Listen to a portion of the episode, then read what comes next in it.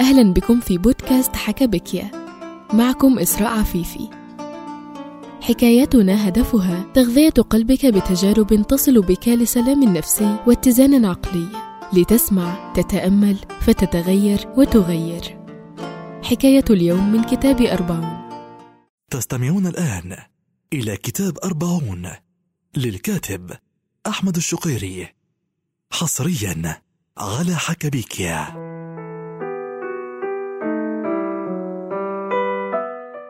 مذهبك؟ قال ما مذهبك؟ قلت مسلم. قال لم أسأل عن دينك سألت عن مذهبك. قلت ليس لدي مذهب. قال لا يجوز لا بد أن يكون لك مذهب. قلت ليس لازما يكفيني الإسلام مذهبا وطريقة لحياتي. قال الإسلام مذاهب ومشارب وكثير من الناس شطحوا. قلت إن كان ولا بد فمذهبي الوسطية. قال ما سمعت بمذهب كهذا من قبل. قلت أكره الغلو والتطرف ومذهب النظر للأمور بوسطية وهذا في رأيي هو الحق فالحق وسط بين تطرفين. قال اشرح أكثر. قلت هناك مذاهب خرجت منها آراء متطرفة فمثلا هناك من تطرف في فكرة حب ال البيت. وهناك من تطرف في فكرة الورع والتقوى واخذوا الآيات بالظاهر. وهناك من تطرف في فكرة التكفير وتوسع فيها لدرجة أنه يكفر كل الناس وكل أصحاب رأي من هؤلاء. يذكر دليلا أحيانا من القرآن واحيانا من السنة. فأنا مبدئي أن أعمل عقلي وكل رأي أسمعه أعرضه على فهمي لأصول الدين وأساسياته. وعلى ما أعرفه من الآيات الثابتة الواضحة المعنى وقطعية الدلالة. فإن تعارض مع كل هذا رفضته ولا أهتم وقتها من القائل وما المذهب؟ فمع الأسف اليوم عندنا هوس بالأشخاص. فلما أقول رأيا مثلا يأتيني شخص ويقول ما الذي تفهمه أنت؟ أما سمعت قول العلامة فلان في كتابه كذا وكذا يقول كذا وكذا؟ فأقول يا أخي ناقش حجتي بغض النظر عن الأشخاص. ألا يمكن لشخص اليوم في القرن الحادي والعشرين أن يكون له رأي مخالف للأئمة الأربعة ولأئمة الشيعة وابن تيمية وغيرهم؟ ما المانع إذا كان دليله قويا؟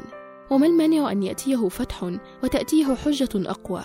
وهذا لا ينتقص من قدر هؤلاء الأئمة ولا يقلل من جهدهم وفضلهم ولكنهم ليسوا أنبياء معصومين فالخطأ وارد والتقصير جائزا. وبناء عليه ولاعتقادنا أن الإسلام صالح لكل زمان ومكان فيجب إعطاء مساحة للعلماء المعاصرين كي يعرضوا آراءهم وإن خالفت آراء السابقين وليناقش رأي برأي وحجة بحجة. فعندما يحدث هذا سيكون معناه أن الفقه الإسلامي قد ضخت في عروقه دماء جديدة وهذا يكسبه ثراء وتنوعا يبعث في أوصاله الحياة بعد سنوات عدة من الثبات والسبات العميق. ومما يؤيد ما نذهب إليه أنه في سنوات ازدهار الفقه الإسلامي خرج أبو حنيفة رحمه الله بآراء فكرية خالفه تلميذه أبو يوسف في كثير من المسائل على الرغم من أنهما كانا في بغداد في المدينة نفسها وفي العصر نفسه وفي المجتمع عينه. ومع ذلك حصل تعداد للآراء الفكرية وتنوع للرؤى الفقهية. ومن ثم كان يقال إن اختلاف أبي يوسف مع أستاذه أبي حنيفة ليس اختلاف دليل وبرهان ولكنه اختلاف مكان وزمان. هذا على الرغم من أن الزمان بينهما بضع سنوات فقط. فما بالنا؟ والشقة قد بعدت والفجوة الزمنية أصبحت أكثر من ألف سنة. أول صلاة. في المرحلة المتوسطة كنت أصلي. ثم في المرحلة الثانوية مع غلبة المراهقة توقفت تماما عن الصلاة. وكانت حياتي هدفها الأساسي المتعه بكل أشكالها. واستمر الحال إلى السنتين الأوليين من الجامعة. ثم في يوم من أيام عام 1994 عمري 21 سنة قلت لنفسي إلى متى الجري وراء المتع من دون أي هدف؟ إلى متى؟ فقررت قرارا أن أعدل من حياتي وأوجهها تجاه مرضاة الله وطاعته. وما زلت أذكر إلى اليوم بوضوح أول صلاة لي. في يوم من أيام شهر أكتوبر عام 1994 وكانت صلاة العصر في شقتي في أمريكا وما أذكره أنها كانت صلاة ممتعة. شعرت فيها بكل أجزاء الصلاة وشعرت بعمق بمعنى كل آية من آيات الفاتحة. وشعرت بالذل لرب العالمين المتجسد في عملية السجود. طبعا في وقتها وبكل سذاجة توقعت أن الأمر بسيط فما دمت قد قررت أن ألتزم فسألتزم وسأبتعد عن كل المحرمات وانتهينا ولكن بعد أسابيع عدة فوجئت ببعض الذنوب وبعض الشهوات بدأت تعود لي فاستغربت وقلت كيف؟ فلم يقرر عقلي أننا انتهينا من هذه الأمور؟ وقتها اكتشفت أن المعركة لم تنته وأن النفس التي اعتادت على بعض الأمور سنوات لن تتوقف عنها بمجرد قرار من عقلي. وهنا بدأت رحلة الصراع الداخلي. ففي السابق لم يكن هناك صراع لأن عقلي ونفسي كانا متحدين أن الهدف هو المتعة. أما بعد القرار فحدث الشرخ وحصلت الفجوة بين أهداف العقل وأهداف النفس. وبدأت في صراع طويل من يومها إلى يومنا هذا. وكلما تخلصت من ذنب معين أو ضعف معين أبدأ العمل على ضعف آخر. وكلما اعتقدت أنني انتهيت أكتشف مع التحليل أن لدي خفايا ما زالت تحتاج إلى علاج وإلى ترق. وأعتقد أنها رحلة مدى الحياة لشخص مثلي. أدمن التحسين المستمر في كل جوانب حياته. وعلى الرغم من أنها حياة شاقة ليس فيها راحة ولكن يبقى فيها متعة أن ترى نفسك تتغلب على ضعف بشكل تدريجي ومستمر. ففي كل محطة متعة وفي كل درجة من درجات الترقي نسبة أكبر من السلام الداخلي الذي يعم كياني ونفسي والحمد لله. لدرجة أني اليوم وعمري فوق الأربعين لا أود أن أعود لأيام الشباب والعشرينات. لما أجده في نفسي من راحة نفسية تطلبت مني سنين من التدريب والتهذيب. هذا رزقك. كنت في فندق بالأردن يبعد تقريبا ربع ساعة مشيا على الأقدام عن أقرب مسجد ومن عادتي أحب جدا صلاة الفجر في المسجد حتى أيام السفر. وأحيانا أكون نشيطا وأحب أن أمشي وأحيانا أكسل فأخذ تاكسي بحسب الوضع.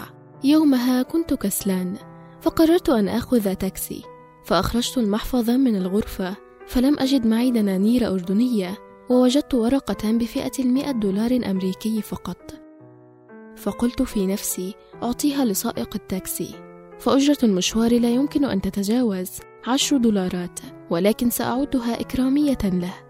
فنزلت خارج الفندق حيث التكاسي مرصوصة في الخارج بالدور. فذهبت إلى أول تاكسي وسلمت على السائق وقلت له أريد المسجد القريب من هنا لو سمحت. فنظر إلي وهو غاضب. وقال ما توفي معايا يا عمي. أنا أبغى مشوار بعيد. هذا هيروح علي الدور على الفاضي. شوف اللي بعدي. فذهبت إلى الذي بعده. وقلت له فرحب وهو مبتسم. وقال تفضل. فدخلت. ولما وصلنا المسجد كان المشوار يساوي خمسة دنانير تقريبا. يعني أظن خمسة عشر دولارا. فأخرجت له المئة دولار.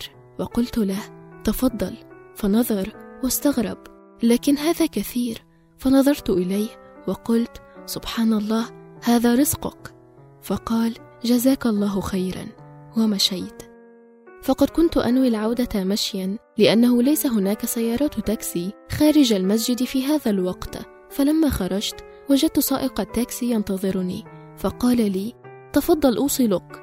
ووصلني ورفض أن يأخذ أي مبلغ للتوصيل. فتأملت في هذا الموقف لما رجعت الغرفة وأنا مذهول فقلت سبحان الله السائق الأول حرم نفسه من مئة دولار رزقا وحتى لو جاءه مشوار بعيد للمطار مثلا ما كانت أجرته مئة دولار. ولكن بسبب نفسيته الضيقة وأسلوبه الفظ حرم الرزق وهو يعتقد أنه بهذا العمل يزيد من رزقه. والسائق الثاني أخذ رزق يوم كامل في مشوار عشر دقائق فقط بسبب سماحته وطيبته وأنا أخذت توصيلة في الرجعة. مع أني كنت أنوي رجوع مشيا فكان ذلك جزاء فوريا لإكرام السائق فانظروا كيف تسير الأقدار.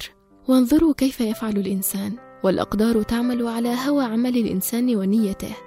فالكون هذا كله مترابط ونيتك وما في داخل قلبك يحرك الكون إما لك وإما عليك.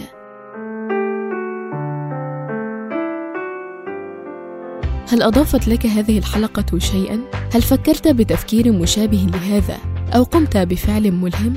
نرحب بمشاركة تجربتك معنا. أتمنى لك سلام نفسي وفكري على الدوام سلام.